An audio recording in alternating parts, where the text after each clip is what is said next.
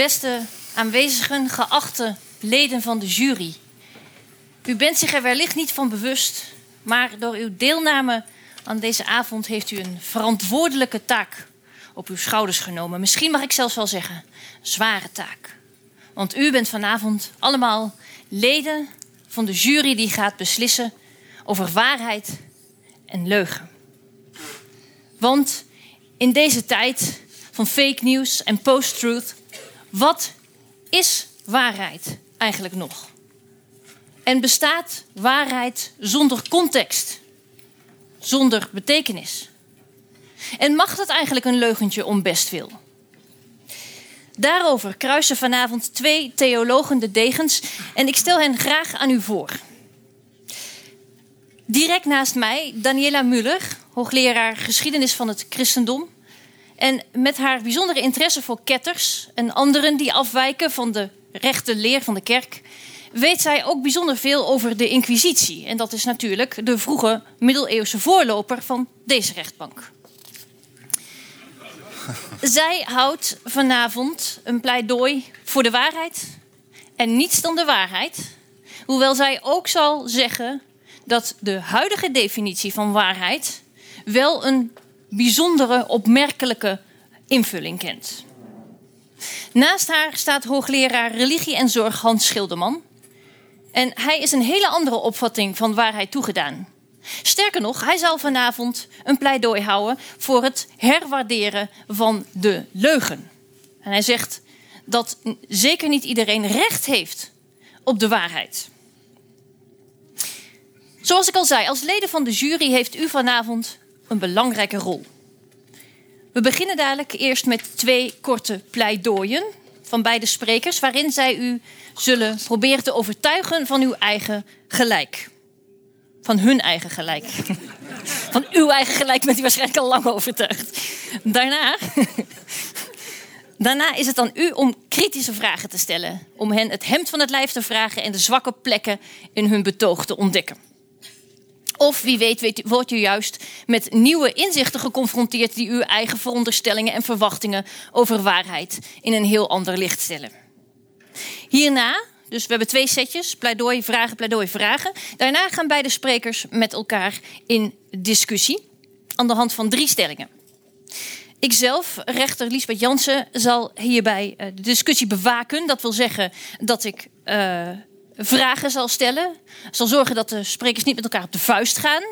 Um, maar ook de tijd goed in de gaten zal houden. En daarvoor zal ik niet schuwen, beste gedaagden, om mijn hamer te benutten. Om aan te geven dat de tijd om is. Daarna, dus na deze discussie, um, bent u opnieuw in de gelegenheid, en dat is de laatste gelegenheid, om vragen te stellen aan de sprekers. En dan houden de sprekers een slotpleidooi. Waarin zij dus voor de laatste keer kunnen proberen om u te overtuigen dat zij in hun gelijk staan. En dan is het woord aan u. Dan is het uw verantwoordelijkheid, ik herhaal het nog een keer, om te beslissen wie deze avond wint. Daniela Muller of Hans Schilderman. Is uw opgave helder voor u? Ik zie her en der ja geknik. Heel goed, prima.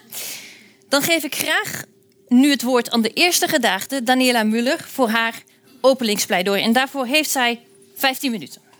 Ja, dank je, Lisbeth. Ik sta hier, dat weet u nu, om de waarheid te zeggen, niets dan de waarheid. Dat klinkt eenvoudig, maar ik verzeker dat ik het zo meteen ingewikkelder ga maken, maar wel zodanig dat u mijn positie straks aanvaardt. Voor een rechtbank, ten onoverstaan van de rechters, gaat het om feitelijke waarheid. Wie is op dat idee gekomen? Dat heeft de paus bedacht. Weliswaar niet Franciscus, maar de paus van 800 jaar geleden, Innocentius III. Hij stelde de materiële waarheid voorop, de feiten of tenminste de meest waarschijnlijke versie van de feiten, in plaats van enkel de geloofwaardigheid. Tot dan toe ging het om de maatschappelijke reputatie. de betrouwbaarheid van degene die voor de rechtbank een uitspraak deed. Hooggeachte leden van de jury, u hebt het gehoord. Ik ben professor. In de theologie nog wel. Ik ben bovendien een vrouw. En, meer nog, ik ben een moeder. U zult me toch wel op mijn woord geloven, neem ik aan. Nee, hooggeachte leden van de jury, zo zal ik u niet kunnen overtuigen. Ik zal argumenten moeten aandragen. En juist dat heeft Paus Innocentius III rond het jaar 1200 al onderkend.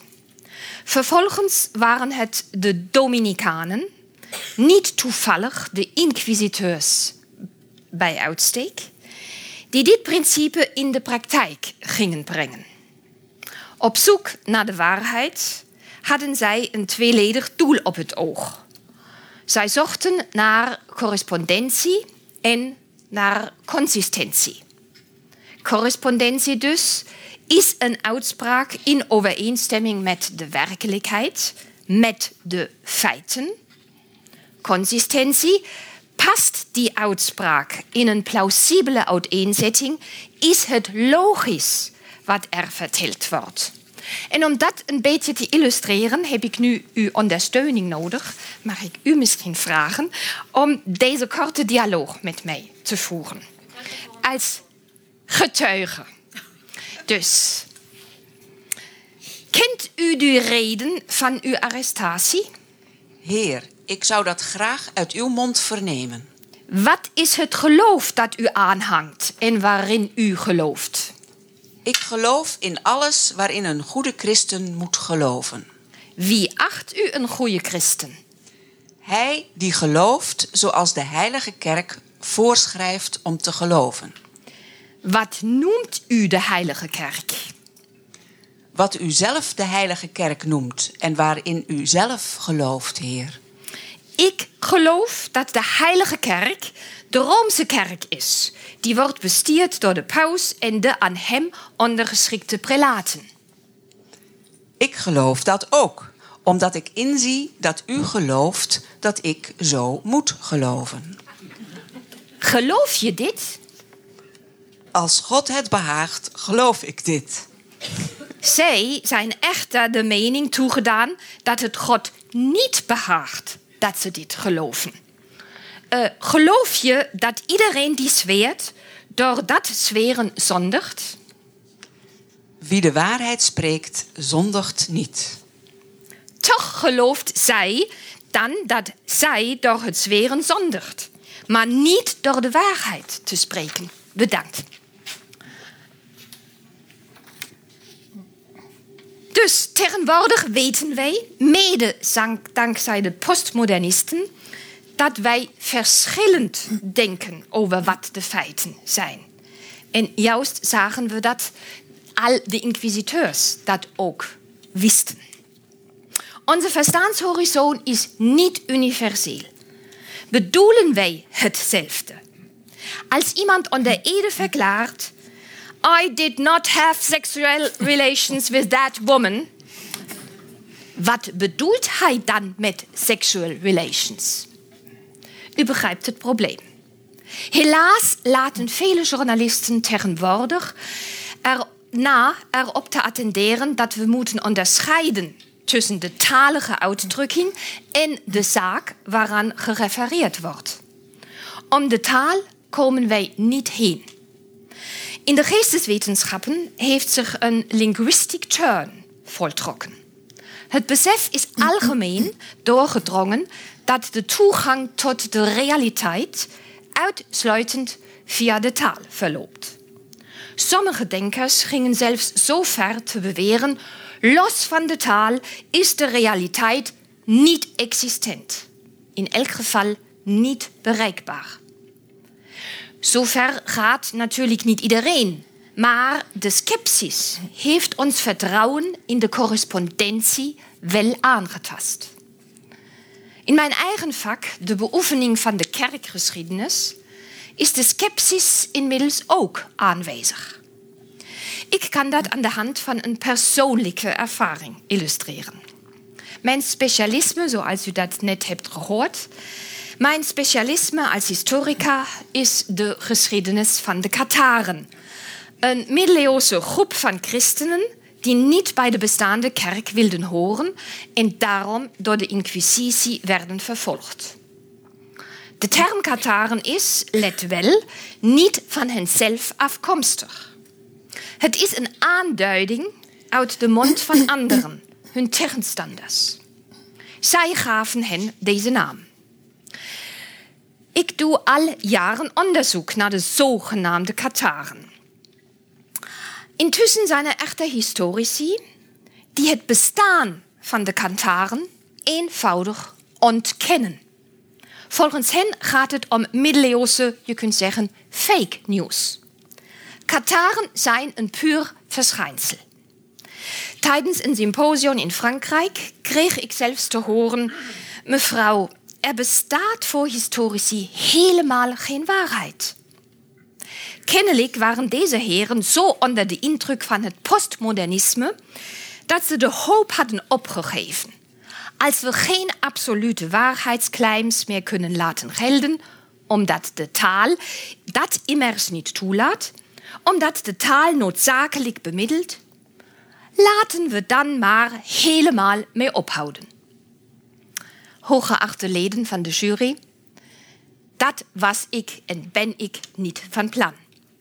Ook wanneer ik weet dat ik niet volstrekt objectief kan zijn, dat ik mijn verstaanshorizon niet kan uitschakelen, dat andere historici op grond van dezelfde bronnen tot andere inzichten kunnen komen, gooi ik mijn vak nog niet overboord. Ik ben het aan mijn vak en de communicatie met anderen verplicht op zoek te gaan naar een beter instrumentarium om te ontdekken waar mijn eigen waarneming in de eerste plaats en die waarneming van anderen op de tweede plaats ons misschien op het verkeerde been zet. Onze kennis van historische feiten is interpretatie. Niet meer dan een interpretatie. Maar ook niet minder. Toegepast op de geschiedenis gaat het om reconstructie. Wel te onderscheiden van constructie, eigen bedenksel. Of, zelf, of zelfs deconstructie. Geen enkele tekst is te vertrouwen. Historische narratieven, beschrijvingen van hoe het geweest is en waarom zo het geweest is, zijn reconstructies, georiënteerd op de werkelijkheid. Daarmee wordt de werkelijkheid van het verleden niet zomaar bedacht, niet zomaar geconstrueerd. Ik hoop dat u het zover met mij eens bent. Als vakgenoten tegen mij zeggen dat er in de geschiedenis geen waarheid bestaat, roept dat dus bij mij een zeker onbehagen op. Laat ik daarom van de geschiedenis overgaan naar de theologie. Dat is trouwens ook de weg die ik zelf heb afgelegd. Tijdens mijn studies geschiedenis en theologie koos ik voor de kerkgeschiedenis, de geschiedenis van het christendom en vooral voor de geschiedenis van ketters. De momenten waarop absolute waarheden tegenover elkaar werden geplaatst en waarbij kennelijk de machtigste overwon en bepaalde welke waarheid de doorslag moest geven. Beslissend hiervoor was voor mijn keuze wat Walter Benjamin, de Duitse denker en filosoof, die zelf slachtoffer is geworden van de nationaalsocialisten, de engel van de geschiedenis genoemd heeft. De diepere zin van de geschiedenis openbaart zich pas bij het einde der tijden. In mijn studie theologie kwam ik dialogische denkers als Martin Buber op het spoor. Die stelden dat de menselijke geest op uitwisseling, dialoog aangewezen is. Een alomvattende waarheid ligt niet binnen ons bereik. Wij komen mogelijk dichter bij de waarheid wanneer onze denkbeelden uitgedacht worden. Die uitdaging moeten we dan wel toelaten. De confrontatie aangaan betekent nog niet dat wij onze aanspraak op waarheid prijsgeven. De kerk mag claimen de waarheid te vertegenwoordigen en te verkondigen. Maar dat geeft haar meteen ook het recht uit te spreken dat sommige opvattingen de waarheid niet vertegenwoordigen. Ze mag nee zeggen tegen andere vormen. Dat hoort zelfs bij de aanspraak op waarheid. De waarheid kan niet zonder tegenspraak. Ik vertel mijn theologiestudenten dan ook elk jaar, en ik denk dat is tenminste ene die dat weet, de kerkelijke leer kan niet zonder ketters. De ontwikkeling van de kerkelijke doctrine kan niet zonder tegenspraak. Van die wisselwerking leeft de kerk. Dat doet ze al eeuwenlang. En ze zal dat doen tot het moment waarop aan het licht zal treden wat waarheid is en wat dwaling is. Ook wordt het duidelijk, maar zo ver zijn we nog niet.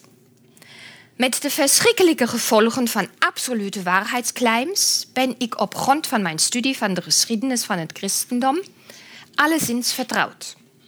Ik noem alleen maar de vervolging van heksen en joden. Zij waren gebaseerd op een bazaal wantrouwen, de uitsluiting van geloofwaardigheid, die aan de toeschrijving van waarheid vooraf gaat. Wanneer ik een persoon niet vertrouw, zal ik niet geloven dat wat, dat wat hij of zij zegt waar is. Omgekeerd, wanneer ik iemand geloofwaardig vind, dan zal ik ook geloven wat hij zegt en ik hecht betekenis aan zijn woorden. Hoe geloofwaardigheid tot stand komt, heeft veel te maken met onze levenservaring. Dat weten we zelf. Een voorbeeld uit de geschiedenis is juist Bernard Guy, de inquisiteur, die we net konden beluisteren en die blijkbaar een groot wantrouwen tegenover bepaalde personen gehad had. Wanneer ik mijn eigen overtuigingen generaliseer, is dat dan ook niet zonder risico. Als anderen mijn opvattingen delen, voel ik me bevestigd. Wanneer iedereen mijn mening deelt, wordt mijn overtuiging zelfs als het ware evident. Alsof ik de waarheid bezit wanneer geen zinnig mens mij tegenspreekt. Maar wel beschouwd komt mijn mening toch niet dichter bij de waarheid wanneer ze door meer mensen gedeeld wordt. De waarheid is weliswaar relationeel. Ze wordt benaderd dankzij de dialoog, maar ze is daarmee niet afhankelijk van het oordeel van de meerderheid. Die meerderheid lijkt sinds de opmars van het internet regelmatig over ons heen te vallen. Of de waarheid daarmee gediend is, is voor mij nog de vraag. Het internet stelt ons echter juist in staat kennis te nemen van een grote variëteit van opvattingen. Als we dan de tijd en de moeite voornemen het geduld opbrengen om grondig na te denken, hoeven we niet bang te zijn, denk ik, voor een bombardement aan informatie en evenmin niet bang te zijn voor fake news. Een universeel voorgeschreven politieke correctheid is dan evenzeer fataal tijdens de zoektocht naar de waarheid. En op dit moment ervaren we dit concreet aan hand van het voorbeeld van de MeToo-beweging. We ervaren hoe de moderne westerse belichaming van dit waarheidsvindingsproces plaatsvindt.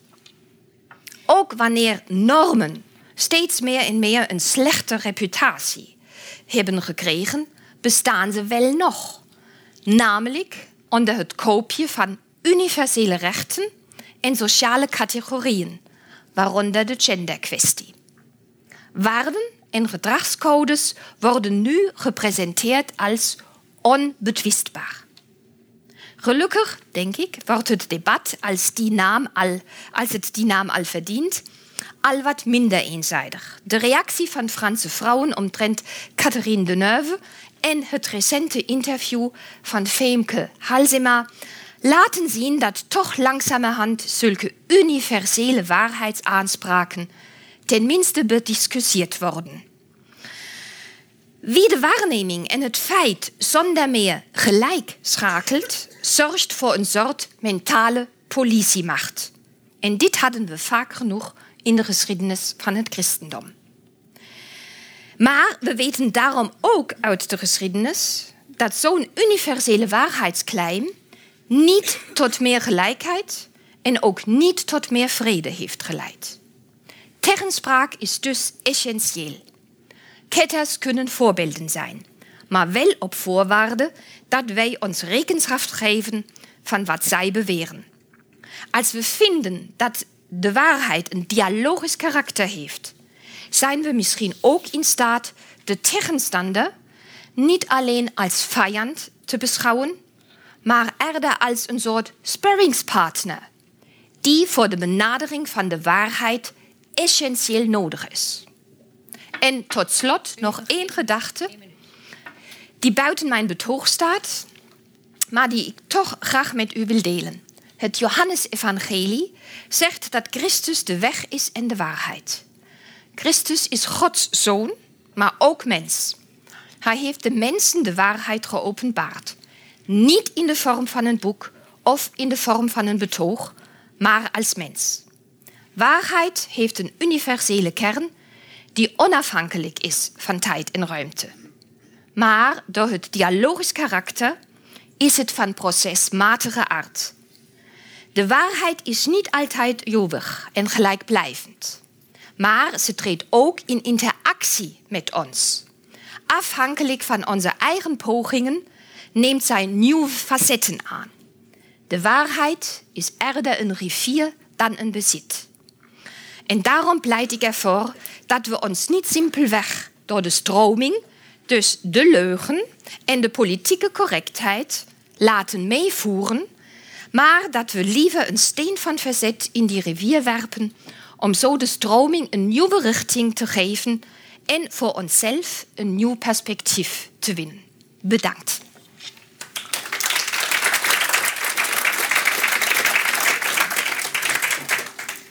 Dank u wel, professor Muller. Dan is het nu het woord aan u, eh, geachte juryleden. Hebt u dingen niet begrepen? Wilt u dingen nog meer uitgediept hebben? Bent u het alvast niet eens met wat mevrouw zojuist heeft beweerd? Um, stelt u gerust vragen. Mijn collega's lopen rond met een microfoon. Dan krijgt u die en dan kan iedereen u verstaan. Wie mag ik als eerste het woord geven? Ja, hier, vooraan. Uh, ja, er is mij niet helemaal duidelijk of u met uh, de uitspraak dat de waarheid relationeel is. Bedoelt u dan waarheid als concept of, wat, of datgene wat wij op enig moment als waar achten? Want voor mij betreft zit daar enorm veel ruimte tussen. Ja, misschien kunt u deze vraag ook beantwoorden met een voorbeeld, zodat het concreter wordt. Um, als uh, wij denken dat de wereld, om maar iets te noemen, Newtoniaans in elkaar steekt, dan hebben we daar ondertussen andere meningen over gezeten. Maar er is een volgens de, de fysische wetenschap en al voor objectieve waarheid daarbuiten, waar we meanderend naartoe bewegen. Maar we hebben een opinie over hoe de wereld werkt. We denken dat we een model hebben van de wereld werkt. En daar kunnen we het met elkaar over eens zijn. Maar of het waar is, dat is uiteindelijk aan de toetsen aan de empirische feiten. Dat is niet relationeel. Dat is niet ja. of het model waar is. Oké, okay, dank u wel. Volgens mij is uw vraag duidelijk. Ik wil graag een antwoord. Ja, ik denk natuurlijk niet dat de empirische waarheid de ultieme waarheid is. Uh, ik denk wel dat de empirische waarheid een goed model kan zijn om waarheid te toetsen. Maar zelfs empirische wetenschappen zouden nooit kunnen claimen dat ze op dit moment precies weten hoe de algemeenheid van de empirische waarheid uitziet. Dat zullen ze ook zeker niet Ja, precies. Oké. Okay. En waarom kunnen wij dan niet in dialoog blijven? En juist door die uitdagingen, door het af eh, ja, het afmeten van verschillende ideeën over juist deze modellen in een relatie met elkaar treden. Dat is uitstekend. Het lijkt me fantastisch dat we daarover in dialoog blijven. Maar het mij gaat erover, wat is, het, wat, is het, wat is de stip op de horizon waar we naartoe bewegen? Als de dialoog de vorm is waarop Ja. we eh, met z'n allen daar naartoe bewegen... eh, dat is uitstekend. Maar die stip op de horizon zelf is wat Ja. mij betreft niet relationeel. Oké, ik wil hierna graag naar een volgende vraag. Dus als u misschien de, de microfoon vast terug wilt geven, nog een kort antwoord. Ja, eh, die horizon is niet relationeel, maar dat is juist wat ik bedoelde met het relationele van de waarheid. Omdat niemand kan vanuit zichzelf bovenrelationeel argumenteren. Maar dit moet u even concreet maken, als u met mij eh, argumenteert, dan zou ik natuurlijk uitsluitend dan toch als ultieme waarheid een metafysische waarheid aannemen. En ik neem aan dat een natuurwetenschapper daar anders over denkt. Misschien. Ik weet het niet. Maar eh, ik, juist de onvatbaarheid van deze metafysische, waarheid maakt de dialoog eigenlijk mogelijk. Omdat niemand de claim kan hebben dat hij precies in bezit van deze metafysische waarheid is. Maar het idee dat iedereen over facetten ervan kan beschikken, maakt het dan ja. Maar natuurlijk heeft u gelijk. Als u nu verwacht dat ik heel precies aangeef... De, het doel waar ik mij aan toebeweeg is dit en dit... dat is natuurlijk juist het probleem dat waarheid volgens mijn opvatting alleen in contextualiseringen kan optreden. En ook de doelgerichtheid van een dialoog is afhankelijk van de context waarin ik mij beweeg. Dus voor mij als West-Europese vrouw zou deze context zeker compleet anders zijn als eh, voor iemand die uit Afrika komt en een compleet andere cultuur in de achtergrond heeft. Maar toch is de poging om zich in te zetten dichter bij de metafysische waarheid te komen, vind ik dat wat het verbindend element uitmaakt. Oké, ik ga even samenvatten, mevrouw Muller. Volgens mij hebt u zojuist gezegd dat de waarheid eh, niet empirisch is. Althans, nou, ik laat het me even samenvatten. De waarheid is niet, niet alleen empirisch en wij benaderen de waarheid doordat we allemaal eh, toch een wat verschillende kijk op de waarheid hebben. En als we die van elkaar respecteren, dan is er op zijn minst een dialoog, een gesprek mogelijk over onze eigen opvattingen van waarheid. Klopt dat ongeveer wat ik zeg? Ja, en Prima. ik denk ook dat de waarheid daardoor verandert. De Natuurlijk. waarheid, ver- dus er is geen waarheid. Nee, dat is niet hetzelfde. Dat is niet Oké, hetzelfde. hier gaan we het dadelijk nog verder over hebben. Wie mag ik de beurt geven? Ja, mevrouw met het geblokte... eh, meneer, sorry, meneer met het geblokte hemd. Ah, ja. Ehm, er- u zei net dat de wetenschappelijke waarheid eh, niet de absolute waarheid kan claimen. Nou, volgens mij doet de wetenschap dat ook niet. Want sinds Karl Popper heeft men het verificatieprincipe omgewisseld voor het falsificatieprincipe. Met andere woorden, men heeft ruimte gelaten om de mogelijk, dat, voor de mogelijkheid dat iets achteraf toch anders, of althans niet waar blijkt te zijn. Maar daarvoor moet die waarheid wel falsifieerbaar zijn. Alle Ehm, zwanen zijn wit tot er een zwarte wordt gevonden. in dat voorbeeld, precies. Ja. Maar bij metafysische waarheid is dat natuurlijk veel problematischer. Omdat dat niet wetenschappelijk aangetoond kan worden. En wat is dan het bijzondere? Dat nou juist de kerk, eh, of dat tot op de dag van vandaag is, dat weet u beter dan ik. Nou juist wel de absolute waarheid claimt.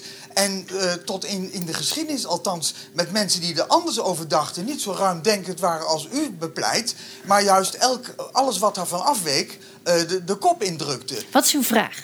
Nou, dat, die, dat dus de kerk ehm, eh, een, een, een, een probleem heeft. eh, de- de- en, verkeerd omgaat met het eigen waarheidsconcept. Omdat dat bij lange na niet voldoet aan de criteria die bij wetenschappelijk waarheid wordt gesteld. Dat met andere woorden niet toetsbaar is, maar wel doet alsof. Oké, korte reactie alsjeblieft, want dan gaan we door naar de volgende spreker. Ja, om over die algemene claim die u hier heeft, eh, gemaakt heeft, het eh, ja, in detail te hebben, eh, vrees ik is de tijd een beetje te kort. Maar wat ik daarbij wil zeggen is, ehm, de wetenschappelijke claim, daar, u heeft gelijk, het is ook interessant. Ik had Karl Popper nog eerst in mijn verhaal staan, maar ik wil dan toch niet over hem verder gaan praten. Uh, de wetenschappelijke waarheidsclaim, dat is natuurlijk uh, iets wat zich betrekt op, de, op het niveau, op het level van de materiële waarheid, van het toetsbare waarheid. Maar wat ik ook had gezegd, dat waarheid iets met geloofwaardigheid te maken heeft. En dat is juist iets waarvan ik toch overtuigd ben dat het zich in laatste consequentie aan deze wetenschappelijke toetsbaarheid onttrekt. Je kunt ook iemand voor geloofwaardig houden die de slechtere argumenten heeft. En dan vindt u dat eigenlijk wel vervelend, maar het is nu eens zo.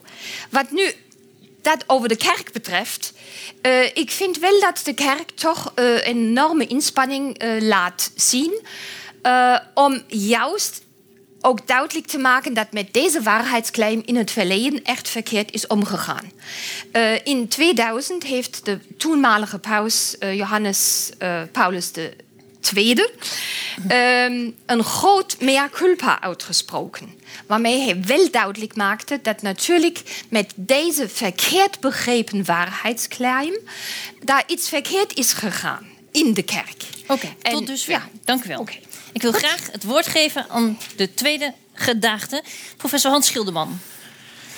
Uh, zeer geachte leden van de jury, mevrouw de rechter, hooggeleerde opponents. Uh, aan mij uh, de taak om in dit uh, waarheidsdebat het belang van de leugen aan te tonen. En daarmee bevind ik mij direct al, word ik direct al voor een probleem gesteld. Want waarom zou u mij geloven als ik pleit voor het belang van de leugen? Dan ondergraaf ik eigenlijk per definitie alles wat ik verder op deze avond nog te, nog te vertellen heb. Ik zal daarom niet pleiten voor de leugen als een soort intrinsiek belang, maar wel voor de leugen als een comparatief belang. En ik hoop dat dat uh, in de loop van mijn pleidooi helder, uh, helder wordt. Een van de redenen waarom ik het zo leuk vind om uh, vanavond wat over de leugen te vertellen, is dat ik mij de afgelopen tijd, de afgelopen jaren, wat zorgen maak. A over de heksenjacht op de leugen. Die, dat is echt een verfoeilijk uh, iets. En tegelijkertijd krijgt waarheid iets sacrosancts, iets heiligs. Feiten worden quasi-sacramenten. Nou, ik overdrijf natuurlijk wat. Maar um, het is wel een insteek die ik uh, um, graag zou willen kiezen. En laat ik dat eens illustreren aan een aantal zaken die u ongetwijfeld ook niet zijn ontgaan.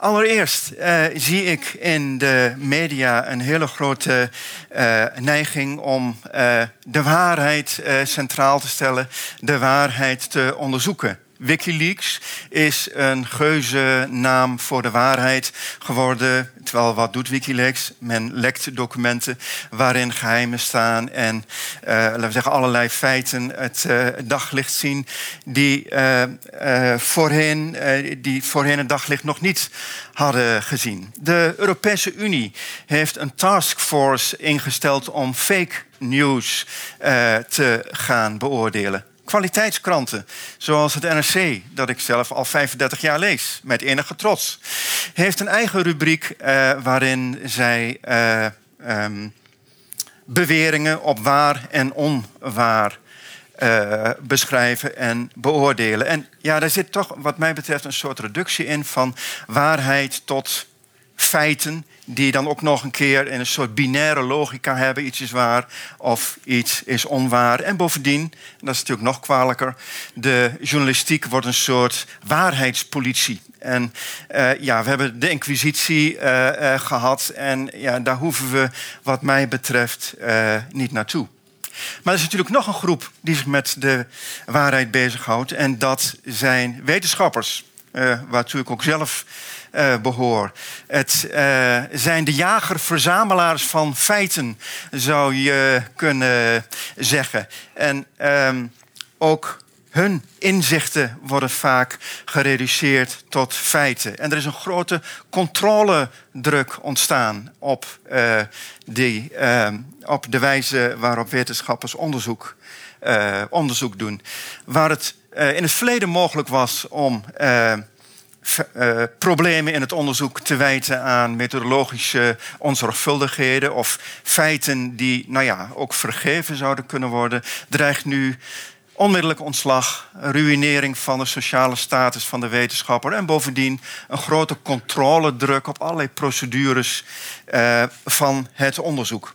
Dus ook daar zie ik eigenlijk een soort ja, uh, heiligverklaring van de waarheid.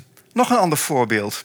We zijn geneigd met z'n allen om een soort recht op waarheid uh, te claimen. En op het moment dat we ons in dat recht aangetast voelen, stappen we naar de rechtbank. En we laten door een rechter de waarheid van onze normatieve claims beoordelen. En ja, dat leidt wat mij betreft tot een soort juridificatie van de samenleving, waarbij waarheid eigenlijk vooral nog betrekking heeft op een soort juridische interpretatie van feiten. En daarmee gaan we ook volstrekt de verkeerde kant op. Ten slotte, psychologen. Uh, dat zijn ja, laten we zeggen, authenticiteitsleveranciers. Uh, ze um, zijn erop gericht om waarheden die in de persoon verborgen liggen op het spoor te komen en die met een claim van waarachtigheid uh, um, uh, boven tafel te brengen en zo ook bij te dragen tot, tot waarheid. En ook daarvan denk ik, en ik denk dan vooral aan de MeToo-discussie... het is niet voldoende om waarachtig te zijn. Je moet die waarachtigheid ook tonen. Want wat is authenticiteit waard als je geen forum hebt, geen bühne hebt... waarop je die waarachtigheid uh, toont? Deze observaties dat, uh, dat journalisten, wetenschappers, juristen en psychologen... een zo hoge claim leggen op de waarheid. Ze hebben zo'n hoge maatschappelijke status. Inmiddels doet mij aan een aantal dingen denken. Maar één ding wil ik eruit halen en dat is... Uh, wij zijn waarschijnlijk toch wel leugenachtige wezens... als die druk op waarheid zo groot is. En dat zou ik graag willen beamen. Wij zijn leugenachtige wezens. U zult wellicht uh, denken, ja, zeg dat in ieder geval over jezelf. Dat wil ik dan ook wel beamen. Maar ik hoop toch uh, in uh, mijn pleidooi um, um, ook u een, beetje, u een beetje meer te krijgen. Door namelijk te stellen dat de, waar, dat de leugen werkt. Dat is een empirisch punt, zou je kunnen zeggen. Waar en hoe werkt hij? Hij werkt allereerst in de politiek.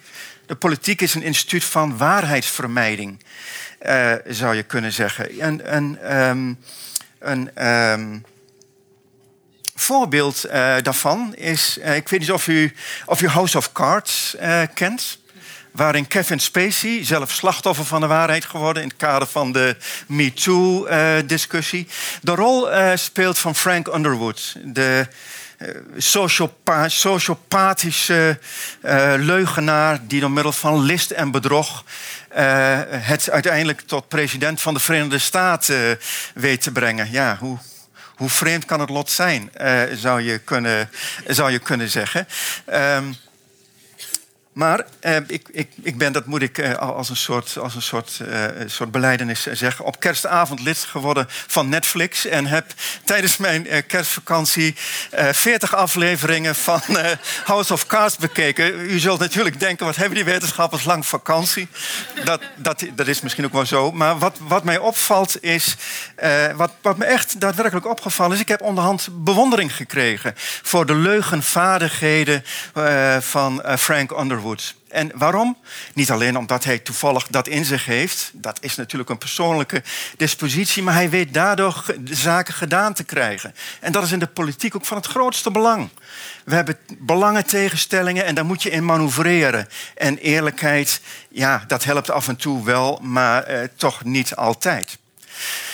Er is natuurlijk nog een andere manier waarop uh, de leugen uh, werkt. Uh, namelijk in het sociale verkeer, waarin de leugen eigenlijk vooral een soort smeermiddel is in de contacten. We maken allemaal gebruik van white lies.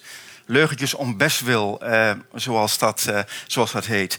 Ik kan uh, bijvoorbeeld iemand complimenteren met zijn of met haar kapsel, maar ondertussen denken: ja, het lijkt wel een verlaten vogelnest.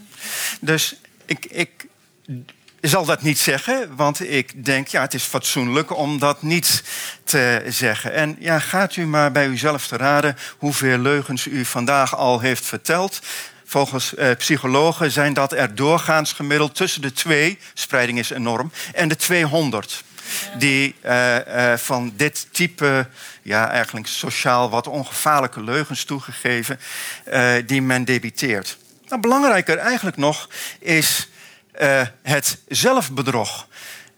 Wij bedriegen onszelf. Zouden wij uh, onszelf kunnen beschrijven en feitelijk ook beschrijven in termen van zaken die we goed doen en zaken die we niet goed doen, onze goede kanten en onze slechte kanten, ja, dan daar word je niet gelukkig van. Um, op het moment dat je een positief zelfbeeld hebt, beschermt dat um, je eigen mentale gezondheid. En het is ook aantoonbaar dat zelfbedrog uh, behoedt tegen depressie.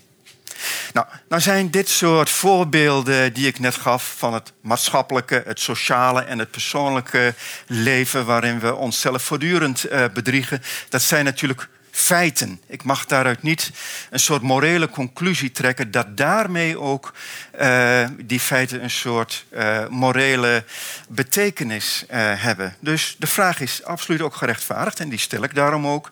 Is het moreel gerechtvaardigd om te liegen? Ja, het is moreel gerechtvaardigd om te liegen in een aantal gevallen. Toen Peter Stiglitz, een uh, van origine Hongaarse uh, socioloog, in 1944 de vraag kreeg: Sind Sie Joden? Uh, antwoordde hij erop met nee. En dat behoedde hem voor deportatie naar een concentrationslager. Na afloop van de oorlog besteedde hij tientallen jaren zijn tijd als socioloog aan het onderzoek van naar leugens. Hoe werken leugens. En zijn conclusie luidt: leugens zijn als het zout in de maaltijd. Je hebt er een beetje van nodig om het leven op smaak te brengen, maar te veel bederft natuurlijk ook de maaltijd. Daarmee is al eigenlijk al wel duidelijk dat het altijd om belangenafwegingen gaat bij leugens. Een soort utilitair, utilitaire manier van denken. En er zijn utilitaire ethici die dat ook expliciet huldigen. Bijvoorbeeld Ian King, die, uh, een utilitaire ethicus, die uh, zegt: lieg alleen dan wanneer je daarmee iets bereikt dat waardevoller is dan het vertrouwen dat je zou verliezen indien het bedrog ontdekt zou worden. Ja, ingewikkelde zin. Hè?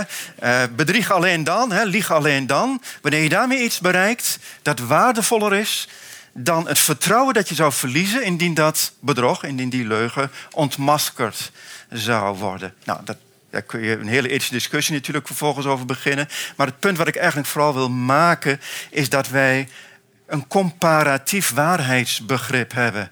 Wij uh, uh, wegen waarheid en leugens eigenlijk voortdurend af. En ik denk dat dat in principe ook goed is. Ik denk dat dat ook aan de realiteit correspondeert. Daarover wil ik zo meteen graag nog wat meer vertellen, misschien ook in de, in de discussie.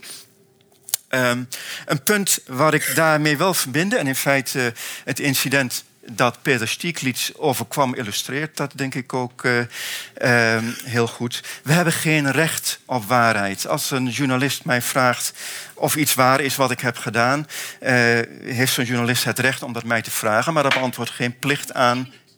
Oh, dat beantwoordt geen plicht aan dat ik, dat, ik dat ook, um, dat ik die waarheid ook moet vertellen. Anderzijds is er wel een recht op geheimen geen uh, recht op waarheid, maar wel een recht op geheimen. En dat vind ik een belangrijke observatie, omdat geheimen gemeen hebben met de leugen dat het een vorm uh, van waarheidsvermijding uh, inhoudt. He, het is ook geheimen.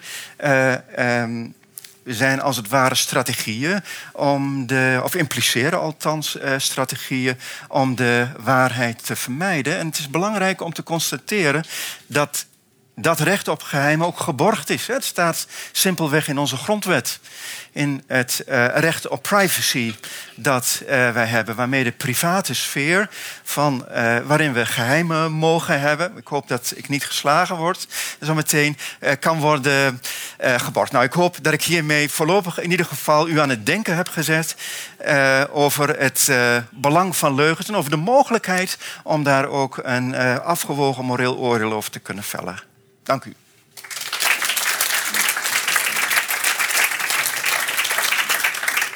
Geachte leden van de jury, het woord is wederom aan u. Hebt u vragen aan professor Schilderman? Wilt u dingen nog meer te weten komen? Uh, bent u het ergens niet mee eens? Steek uw vinger op. Ja, achterin, Tabita. Dank u. Uh, u zegt uh, wat wetenschappers doen is een, uh, wordt gereduceerd tot feiten. Wat bedoelt u daar precies mee en wat is dat voor reductie? Hoe ziet u dat? Ja, daarmee, daarmee bedoel ik eigenlijk, ja, misschien doe ik, doe ik, heb ik het dan niet strikt over wetenschap, maar over hoe wetenschap in beeld wordt gebracht. Dat wetenschappers vooral in de media worden opgevoerd op grond van een aantal feiten die uit hun, hun onderzoek komen. Terwijl eh, wetenschap natuurlijk pas interessant wordt door het leggen van verbanden tussen feiten. Hè. Met andere woorden, wetenschap wordt interessant doordat ze in het kader van een theorie inzicht verschaffen in die realiteit. En ja, dat inzicht hoort voor mij bij het, waarheids, uh, bij, bij het waarheidsbegrip. En de reductie van uh, de kennis die door wetenschap uh, wordt uh, opgebracht tot feiten, waar onwaar ook nog, in die bipolaire, stoornisachtige manier waarop over feiten wordt, wordt gesproken, daar wil ik eigenlijk graag een vraagteken of een kanttekening bij stellen. Dank u wel. Volgende vraag. Ja, meneer hier in het midden. Ik denk dat wij, zoals we hier bij elkaar zitten, allemaal verschillend zijn en ook een deel zijn van de universele waarheid. Dat is diversiteit. En voor de een is de ene waarheid van de een anders, de, anders dan de waarheid van de ander. Dat kan, een leugen, kan je leugen noemen. Maar het is gewoon iets andere waarheid als onderdeel van de universele waarheid. In hoeverre, ik zou dus ook pleiten voor de leugen, wat eigenlijk geen leugen is, maar meer diversiteit is. Ja, ik denk dat ik er op zekere hoogte eh, met u eens kan zijn, maar, maar wel op de volgende manier. Dat uh, de universele waarheid als zodanig, daar kunnen we alleen maar in probabilistische zin over spreken in de zin van, ja, in termen van waarschijnlijkheden.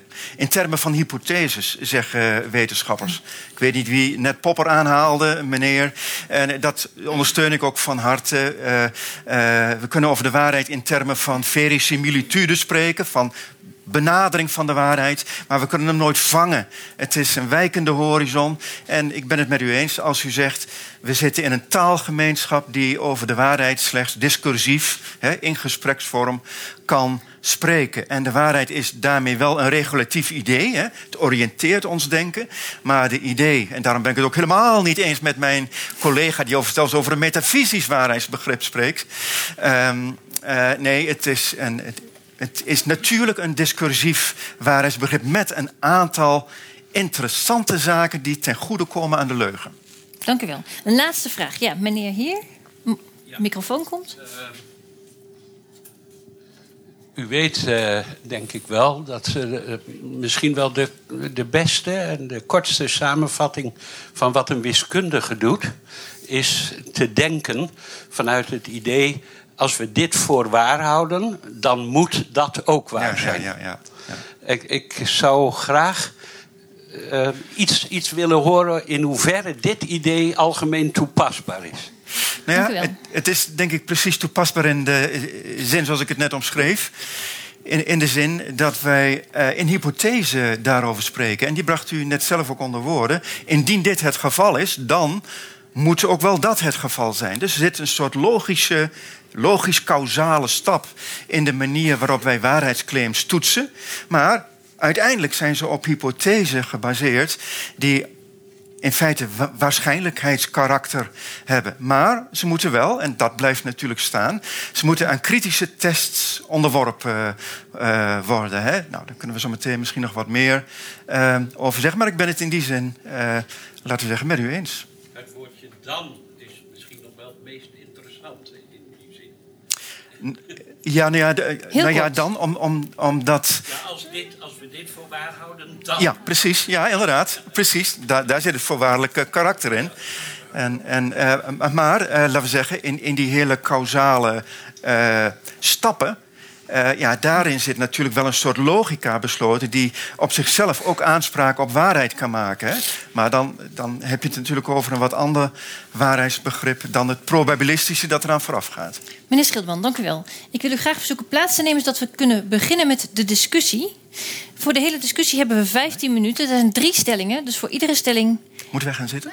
Wij mogen Nou ja, aan, aan tafel staan bedoel ik. Oh ja, Niet zitten. Goed. Ah ja. Ook een relatief begrip. Ehm, de eerste stelling luidt: De waarheid bestaat niet. Het woord is aan u. Begint u maar. De waarheid bestaat inderdaad niet. Ehm, in de zin, zoals ik net mijn kritiek, eh, kritiek uitte... De, de waarheid bestaat als, als idee, als regulatief idee, hè, oriënterend idee. Daar moeten we naartoe. Eh, eh, maar de, de, de stappen daar naartoe, de reis naar de waarheid... is een discursieve eh, reis, Discursief betekent bestaat Bete- alleen maar in hoe we de betekenis aangeven. Nou, betekent. In, nee, nee, ik zou het, die is afhankelijk van taal, zou ik zeggen. Die is afhankelijk van een cultuur die omschrijft hoe wij de verhouding moeten zien van leugens en eh, waarheid. Het heeft het karakter, eh, het heeft bovendien een argumentatief karakter. Ik denk dat dat ook heel, ook heel belangrijk is. Maar te spreken over een metafysisch karakter, in die zin. Eh, nee, dan de waarheid is bestaat absoluut, de waarheid maar de weg niet. ernaartoe is relatief. De waarheid is een idee, Oké. zou ik willen zeggen. Mevrouw Muller, dat is uw Nou reactie. ja, dan wordt het natuurlijk inderdaad heel moeilijk eh, om doelen te schetsen, omdat eh, u, geachte collega, hebt het over eh, doelenraad. Maar die kan ik nu in zo'n begrip van waarheid niet ontdekken. Ik denk, eh, waarheid, waarom hebben wij het überhaupt over waarheid? We hebben het over waarheid omdat waarheid bijdraagt aan zingeving. En ehm, als ik nu claim, ja, is alleen maar deze discussieve versie van waarheid, zoals eh, u dat sterk hebt beklemtoond. Nou ja, dan lopen, dan lopen wij gewoon rond en, eh, ja, en vinden dat wij daar ook geen zin in het bestaan nodig hebben te ontdekken. Dat we daar ook eh, zonder ordening. Ik ben wel een grote vriend natuurlijk van chaos. Hoewel ik denk dat Nietzsche daar ook een goed persoonlijk voorbeeld voor is waar eh, het chaos naartoe kan leiden. Maar dan, maar dan, dan, moet je ook, dan moet je ook voor de leugen zijn. Want wanneer, wanneer, wanneer, wanneer er iets is dat chaos creëert, dan is het wel leugen. Ja, daarom zei ik, ik ben persoonlijk een grote vriend van waarheid, van, van, eh, van, Leugens? van chaos. Nee, van chaos. Maar ik vind toch dat een belangrijke functie van waarheid het ordenen van de wereld, van eh, de ervaring waarin je je beweegt is. En als je daar afstand doet om te zeggen, ja, daar is geen waarheid, dat is alleen maar waarneming, alleen maar door taal eh, bemiddeld, dan raak je juist deze in mijn ogen wezenlijke aspecten kwijt. En ik wil het nog even, ik wil het nog even zeggen dat natuurlijk niet alleen, ik zou daar hartstikke tegen zijn als iemand zegt, er is alleen maar de, maar de argumentatieve waarheid. Ik vind dat iedereen deze ervaring meemaakt en ook vaak een emotioneel kennis heeft, eh, dat kan niet waar zijn zonder dat het over de feiten en zonder dat het de argumenten gaat. Ik vind dat is een beperking van het perspectief. Ja, dus ik hoor u nou op laatst nog pleiten voor een intuïtionistisch eh, waarheidsbegrip. Maar wat je ook gemakshalve achterwege laat, is iets wat ik natuurlijk wel heb gezegd. Eh, waarheid is wel degelijk een regulatief idee. En het, eh, het reguleert onder andere ook precies de communicatie waarbinnen vastgesteld wordt eh, eh, wat wij al dan niet onder waarheid Dat- verstaan. Waarheid is dat wat niet tegengesproken wordt, omdat de argumenten eh, ontbreken om eh, die waarheid te ondergraven. Nee, dat vind ik juist niet. En ik vind, daar heb je dan natuurlijk ook een vrij elitair begrip ervan. Namelijk, er zijn een paar mensen die hebben het door. Waarheid bestaat niet, Oh, maar nee. we gaan het Oh, nee. gebruiken als regulatief idee. Dat heb ik helemaal niet en beweerd. al de vele mensen die dan eh, toch van uitgaan dat er waarheid is, nou ja, wij weten het eigenlijk beter. Ze zijn daar in het veronderstelling dat waarheid is, maar laat ze maar, het dient de ordening. Nou, het is maar goed dat wij hier niet ook een hamer hebben liggen. Ehm, maar, ehm, nee, ik... ik Wil je me ik dan gaan slagen? Ik, ik zie, ik zie, nou, Hoe nee. zou ik dat dan begrijpen? Ik zie, nee, dat is een grapje natuurlijk, hè. Maar, ehm, Dat ik-. Ja, ben ik met rust gesteld, Nee, maar ja. ik, ik, nou, ik zie eh, eerlijk gezegd helemaal niet in eh, waarom eh, dit een elitair waarheidsbegrip eh, zou zijn. Hè? Een discursief eh, waarheidsbegrip betekent juist eh, dat eh, mensen kunnen deelnemen aan het eh, discours over de waarheid.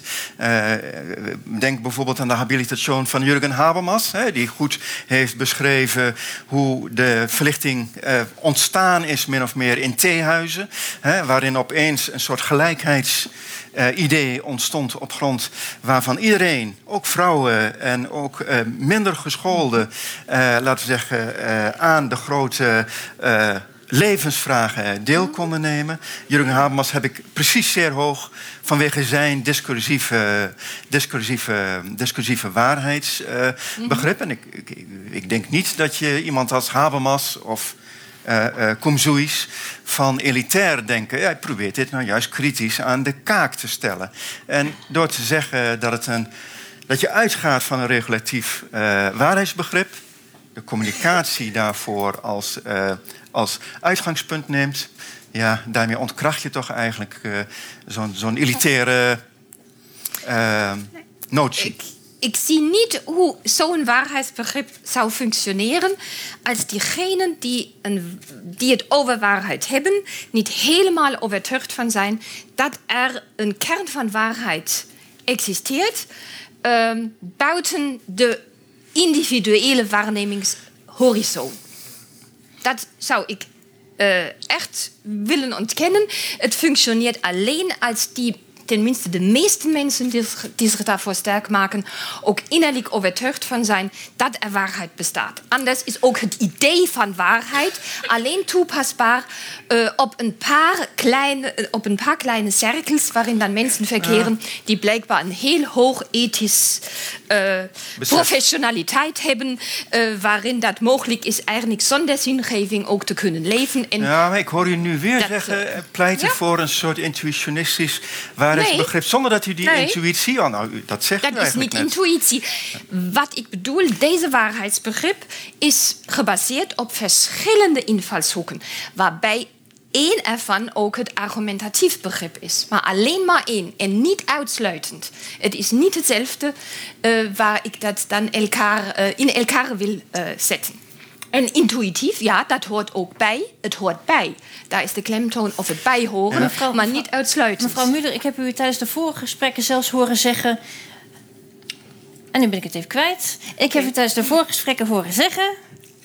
dat de crisis in waarheid die er op dit moment heerst. in feite een crisis is in vertrouwen en geloven. Omdat mensen dat laatste niet meer durven. Geloofwaardigheid. Kunt u dat nog naar meneer Schilderman toe uitleggen? Want dat lijkt me Ja. belang van dit debat. Nou ja, dat is dat wat eh, mijn geachte collega eh, blijkbaar heel graag als intuïstisch eh, wil beschrijven. Maar ik vind dat geloofwaardigheid hier natuurlijk een heel belangrijk iets is wat erbij hoort.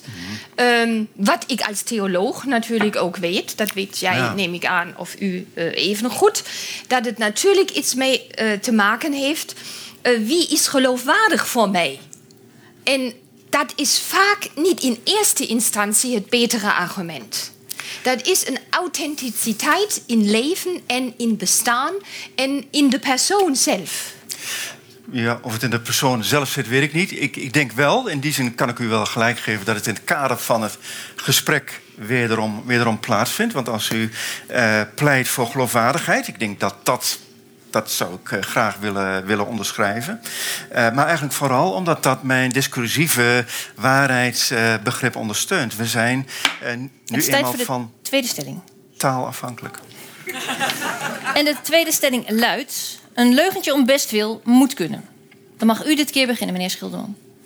Ja, een, een, een leugentje om best eh, moet kunnen, omdat ja, eh, dat eigenlijk de feitelijke, de feitelijke realiteit is.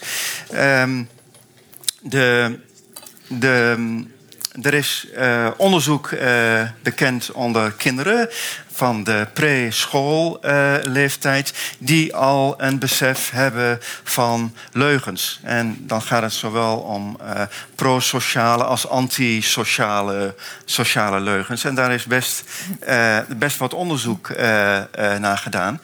Ik vind het ook heel erg voor de hand voor de hand liggen. Op het moment dat wij, en ik heb dat geïllustreerd aan de drie voorbeelden in mijn, in mijn, in mijn betoog.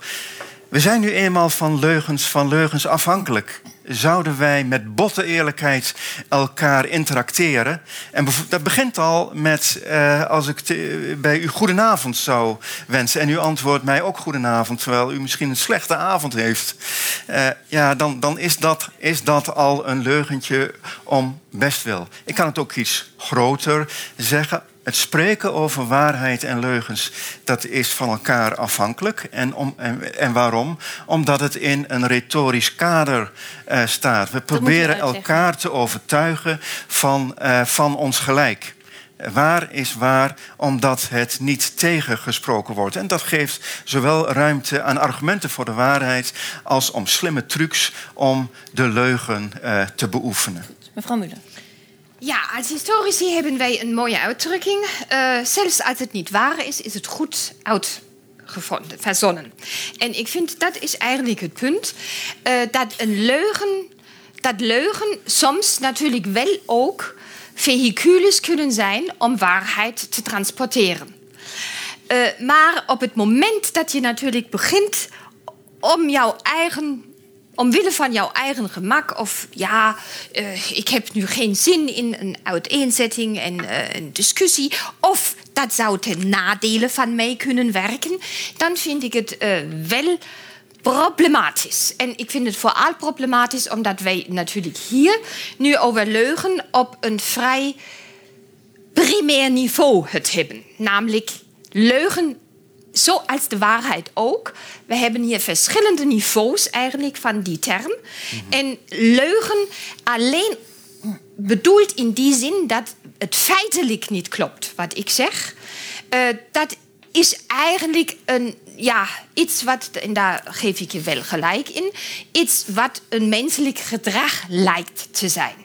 Maar, maar leugen als die hindernis representeren voor een waarheidsclaim, dat vind ik een andere kwestie als je daardoor juist wil verhinderen dat waarheid uh, zich kan ont maar mevrouw Muller, als u zegt, we hebben het hier in, alleen maar in, uh, over de leugen in de zin van dat het niet overeenkomt met de feitelijkheid, dan nog heeft dat natuurlijk effect op hoe uh, de betrouwbaarheid of de geloofwaardigheid van ja. de persoon is. En dat Precies, is toch het primaire punt. Ja, ja. ja ik, ik wilde dat ook net zeggen. Daar is toch ook iets bij als je zegt... Uh, wie in... Ja, in de, met spreekwoorden is het moeilijk in een vreemde taal. Ik zeg het in het Duits. Ik ga gewoon vanuit dat een paar mensen er aanwezig zijn... die Duits ook begrijpen. Uh, wer einmal lügt, dem glaubt man nicht. Und wenn er tausendmal die Waarheid spricht. ik denk, dat is natuurlijk juist het punt... dat je jouw eigen geloofwaardigheid waardigheid gaat kapot maken. Ja, ik, ik en tot, ja, tot op het moment ja. dat je dan waarheid en vertrouwen opnieuw kunt opbouwen, dat duurt heel lang. En ik vind, nou, daar moet zich iedereen bewust van zijn. Ik zou toch een iets minder dramatische uitdrukking uh, kiezen, eerlijk gezegd. Een, een, een leugen is een uh, mooi verhaal, verknoeid door de waarheid. En uh, wat, Kijk, het feit dat u, dat u daarom lacht, betekent dat u het snapt uh, uh, wat ik zeg. Maar en... betekent ook dat het waar is? nou, wat het duidelijk maakt, is dat uh, intenties eigenlijk voorrang hebben op waarheden. En dat we eigenlijk de waarheid altijd presenteren in het kader van overtuigingen. En in die overtuigingen, die vinden in een sociaal kader plaats, die vinden in een taal plaats, die mogelijkheden biedt om zaken niet alleen te beschrijven. Het zou akelig zijn om de taal te beschrijven als een soort waarheidsinstrument. Taal is ook een manier om zaken te verhullen. En dan is de taal eigenlijk op haar mooist, eh, denk ik, eh, zou, ik zelfs, eh, zou ik zelfs willen beweren. Omdat de intentie daarmee ook ter sprake, ter sprake komt. Maar dus ook taal ik ben is natuurlijk wat... niet zo vrij abstract en ja, ontbonden van iedere interpretatie. Juist de de moeilijkheid begint toch met de taal. Omdat er zijn een paar abstracte uh, begrippen. Nou ja, daar zou dan, dat is een lamp en dat is een tafel. En ik neem aan, daar hebben wij natuurlijk geen probleem om het daarover eens te zijn.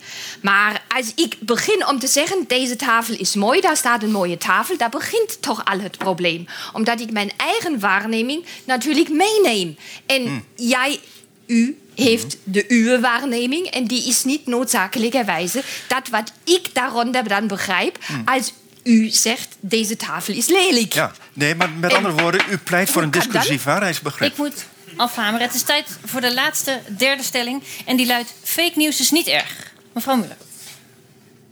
Ja, zou ik ook zeggen.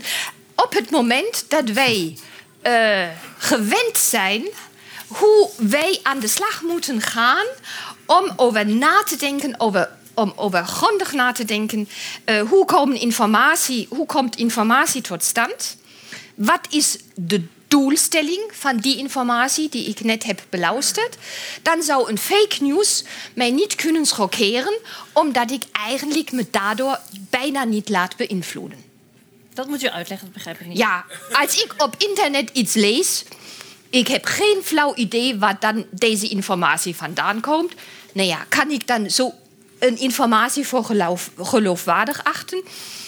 Ja, ik neem het wel ter kennis, maar wat ik dan zou doen is natuurlijk proberen uit te vinden, is dat geloofwaardig? Maar ik neem het niet als een feit mee. En als ik deze, eh, ja, eh, deze houding eigenlijk kan eh, supplemeren en ontwikkelen en dan ook wat aanscherpen, vind ik zouden fake news juist een middel kunnen zijn om dichter bij de waarheid te komen, namelijk om heel kritisch te worden over dit soort van informatie en hoe deze informatie bij mij eh, belandt. Maar hiermee pro- propageert u toch eigenlijk een houding van wantrouwen... terwijl u het net over vertrouwen had. Ja, maar juist omdat ik niet kan vertrouwen, moet ik dan toch een wantrouwen. Ik snap het. Meneer Schilderman. aan de- Eh, ja, fake news eh, helpt ons eh, in de waarheid. Eh, laten we zeggen, niemand kent de waarheid beter dan een leugenaar. Want eh, de leugenaar moet handig met de waarheid kunnen omgaan. En eh, dan ja, sta je wat mij betreft toch een stukje hoger... dan mensen die uit luiheid eh, met waarheden instemmen. Dus eh, eh, fake news eh, heeft, ik denk dat dat, ook, eh, dat dat ook eigenlijk aantoonbaar is, tot een groeiend eh, politiek bewustzijn bijgedragen. En dus in die zin denk ik inderdaad, ben ik het ook met u eens, misschien met wat andere argumenten, dat fake news in die zin geen kwaad kan. Het doet een beroep op de waarheidsvinding, zou je kunnen zeggen. En mensen zijn slim genoeg doorgaans om fake news te ontmaskeren. En in het discours dat eh, op dit punt eh, wordt gevoerd, kunnen argumenten gewisseld worden om die waarheid eh Maar denkt u eh, te daadwerkelijk dat mensen slim genoeg zijn om dat te ontmaskeren? Als ik op internet iets zoek, dan heb ik meestal haast. En Ja, dan ja, ja. geloof ik dat wat ik lees, omdat ik dat snel moet interpreteren in iets anders. Als ik bij alles wat ik lees moet denken, misschien is het wel niet waar, dan wordt Hmm. Ja. mijn leven een stuk ingewikkelder. Ja. Ja, en Ja. ik vind daarom, het is toch voor ons als wetenschappers het meest moeilijke altijd aan de slag te gaan met onderscheidingen. Maar ik vind dat is juist wat we moeten doen. We moeten proberen te onderscheiden, is zo'n fake news eigenlijk geboren om heel bewust ook mensen te manipuleren en daarmee ook waarheid te manipuleren?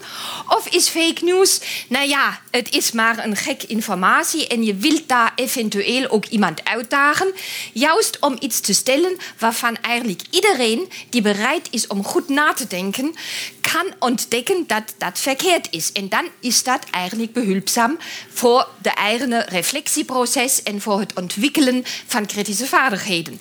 Dus ik pleit echt ervoor, we moeten goed kijken en de onderscheiding is hier natuurlijk ook juist het punt wat het zo moeilijk maakt. Ook leugen kunnen natuurlijk meehelpen om de waarheid te bevorderen en waarheid kan dodelijk zijn. Waarheid kan ook eh, mensen natuurlijk eh, eigenlijk compleet eh, vernielen, zou ik bijna zeggen. Eh, en daarom moeten wij natuurlijk altijd en voortdurend proberen duidelijke klassificaties en duidelijke onderscheiden te maken. dat vind ik is ook wat betreft de fake news, is dat eigenlijk die opdracht die wij hebben. Uh, kritisch ook uh, eigenlijk aan te wijzen waarop moet je eigenlijk letten om in staat te zijn om gewone manipulaties en leugen te ontsluieren. En daarvoor moet je natuurlijk ook een aanstoot geven uh, dat je je bijna in jouw eigen therapie begeeft, namelijk om uh, zich bewust te worden wat zijn mijn eigen veronderstellingen, waarom acht ik iets geloofwaardig en iets anders niet geloofwaardig. Dat heeft natuurlijk alles met ja, met, met mijn en met mijn levens. Ja, dank u wel. In verband met de tijd een laatste reactie door meneer Schilderman... en dan gaan we naar het volgende onderdeel. Nou ja, dit doet inderdaad een, een, een, eh, een beroep, denk ik, fake news... op, uh, uh, op het vermogen de waarheid te, de waarheid te leren kennen. Ik, ik, kan best meegaan met mensen die zeggen... ja, dat is niet voor iedereen weggelegd. Anderzijds heb ik uh, ook wel vertrouwen in de media... om dit soort zaken aan de orde uh, te stellen. Maar waar ik, en dat, daar, zo was ik mijn pleidooi wat uh, begonnen... waar ik wat um, vragen bij heb, is dat het te veel doorslaat. En met name dat we daarin waarheid gaan opvatten zonder de inzichtskant uh, ervan, zonder de contextuele uh, kant ervan, maar dat we waarheid versmallen tot, uh, laten we zeggen, instemmen met, met feiten. En nou, daar, daar doet de journalistiek natuurlijk op zich wel, wel, wel haar werk. En in ieder geval wordt de discussie opengetrokken over wat leugen is en wat waarheid is. En ik heb eerlijk gezegd zelf wel vertrouwen in onze instituties dat dat gebeurt. Ik waak alleen voor de uitwassen ervan. Dank u wel. Leden van de jury, het is opnieuw tijd aan u. Dit is uw laatste mogelijkheid om nog vragen te stellen aan de gedaagden vandaag. Wie wil er nog iets weten? Meneer hier vooraan.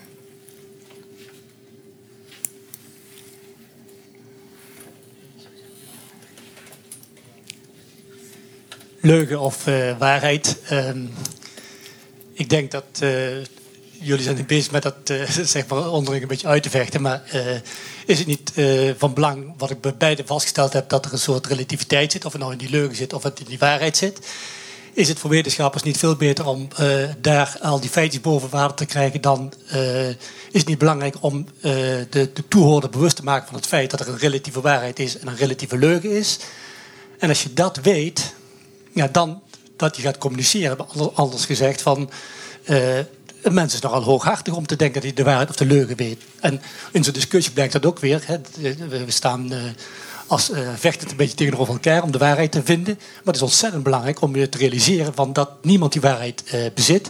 En dat dat iets is van opvoeding, van genen en van het lot. Dank u wel. Korte reacties nou, graag. Ja, dat is inderdaad uit, uit mijn hart uh, gegrepen. Ik denk dat inderdaad uh, ook onze taal niet zo in elkaar zit uh, dat wij over de waarheid in dit soort absolute termen kunnen spreken. Het feit dat we een taal hebben in een bepaalde cultuur veronderstelt al dat we conventies hebben over sociale conventies, over hoe, we met, hoe we met waarheid en met leugens omgaan. En ja, daarbinnen bestaat uh, geen absolute uh, waarheid. Ja, tenzij in de vorm van machtsgerelateerde vormen van waarheid, zoals de Inquisitie uh, in de tijd wellicht heeft, um, nee, ja, heeft gefunctioneerd. ik begin daar niet mee om het over die Inquisitie in die zin te oh, daar bent u zelf mee begonnen. Ja, nee, ik, ik vind dat is een, ook gedeeltelijk een beeldvorming die tot stand is gekomen. Juist om ja, een paar van die accenten te verabsoluteren. En dat is nooit uh, natuurlijk uh, positief voor de waarheid. Maar wat, wat, u net zegt, ik persoonlijk um, prefereer toch relationeel en niet relatief. Omdat ik toch sterk van mening ben dat relatief niet betekent dat het zich opnieuw compleet kan veranderen, afhankelijk van de context. Maar relationeel is toch dan iets wat, waarvan ik denk dat steeds meer en meer facetten uitgevonden kunnen worden, die er bijdragen tot een idee, tot een universeel iets te komen. Uh, en niet in die zin van willekeurig. Uh, toevallig afhankelijk van dit waar ik nu sta of van die cultuur waar ik vandaan kom. De waarheid, Daarom, wordt, uh, de waarheid wordt gemaakt door mensen waarheid bestaat niet zonder interactie. Uh, we hebben geen greep op zonder deze interactie. Dank u wel. Daar was nog een vraag. Er komt een microfoon naar u toe. Oh, oh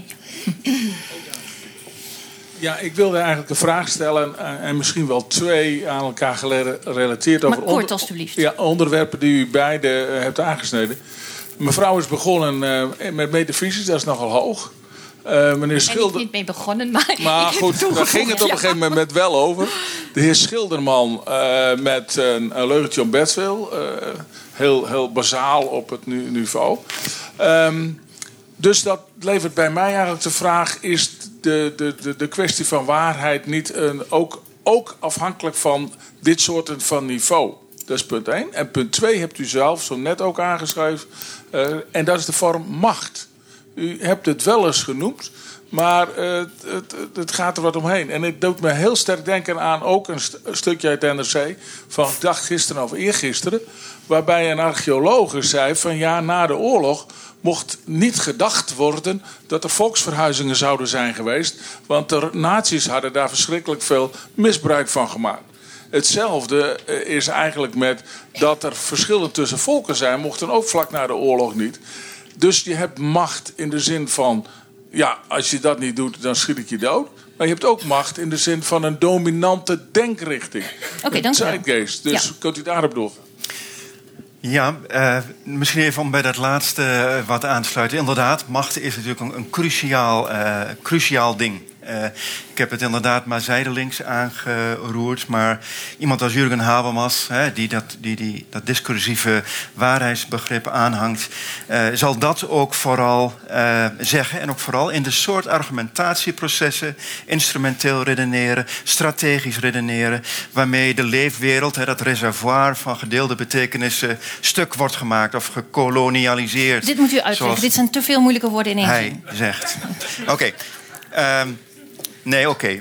Ja, misschien laat ik, laat ik zeggen, ik, ik onderschrijf uh, uh, helemaal dat uh, in het. Ehm, in het, in het kader waarin mensen spreken over waarheid en over leugens, macht een, een formidabele rol speelt. Maar ook daarbij geloof ik erin dat dit soort processen uh, strategisch redeneren, instrumenteel, hè, middeldoel uh, denken in plaats van uh, gericht zijn op de betekenissen die nu eenmaal in de communicatie spelen. Ja, dat die als zodanig ook ter sprake kunnen worden gebracht en moeten worden gebracht. Onze rechtsstaat beoogt dat ook typisch.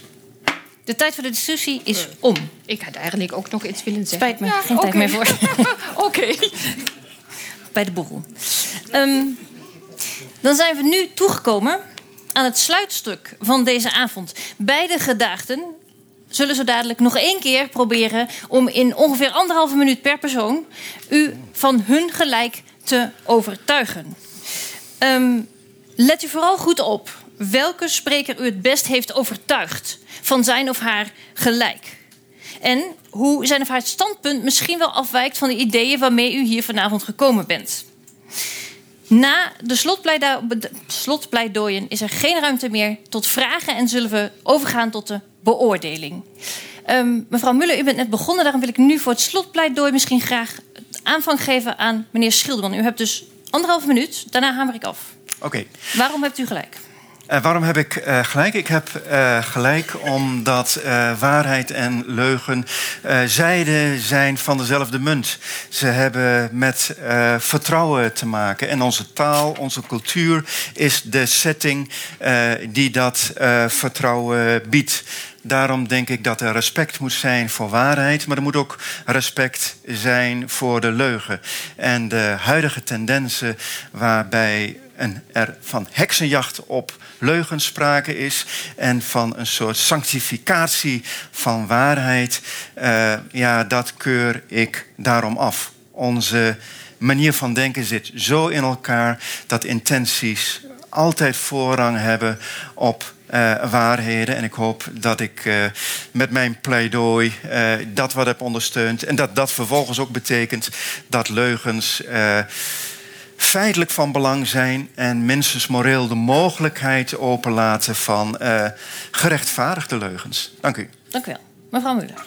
Ja, in principe ben ik uitgepraat. En wat ik wel wil zeggen, ik wil u in principe niet overtuigen.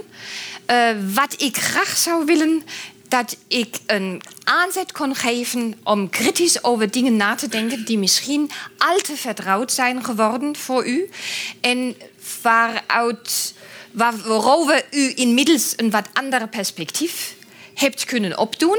Daarom zou mijn pleidooi zijn: uh, liever niet afstemmen.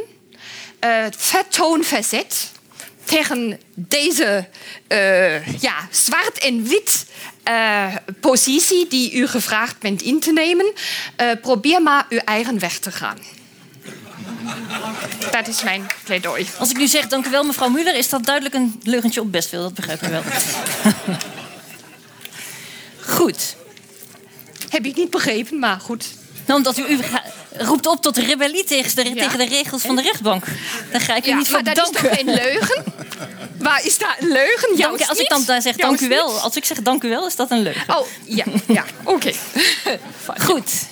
Beste leden van de jury, het beslissende moment van deze avond is gekomen. U mag zo dadelijk uw hand opsteken. Maar voordat we daaraan beginnen, wil ik u graag vragen om met uw buurman of buurvrouw, liefst met iemand die u nog niet kent of met, waarmee u vanavond niet gekomen bent, voor even drie minuten te overleggen over wat u vanavond gehoord hebt, wat u daarvan vindt, wat u de mooie punten vond en te kijken of er verschillen zijn tussen uw opvatting en die van uw buurman slash vrouw. De tijd gaat nu in. Er zijn drie minuten. Ik merk aan uw reacties dat er nog veel te zeggen is over waarheid en leugen. Dat is heel goed. Want als we zo dadelijk klaar zijn, dan hebt u nog alle tijd om met wie dan ook hierover te discussiëren. Nu gaan we weer terug tot de orde van de dag. We gaan namelijk stemmen. Daarvoor wil ik graag mijn assistent vragen om mij uh, bij het podium te komen en, en stemmen te tellen. Um, ik wil graag handen zien van de mensen in de zaal, van de juryleden, die vinden dat professor Daniela Muller deze discussie heeft gewonnen. Ik ben voor de waarheid. Goed. Wie is er voor de leugen? Heel veel. Zijn alle handen geteld? Goed. Een stuk of tien, ja. Goed. Wie van u vindt dat professor Hans Schilderman deze discussie heeft gewonnen?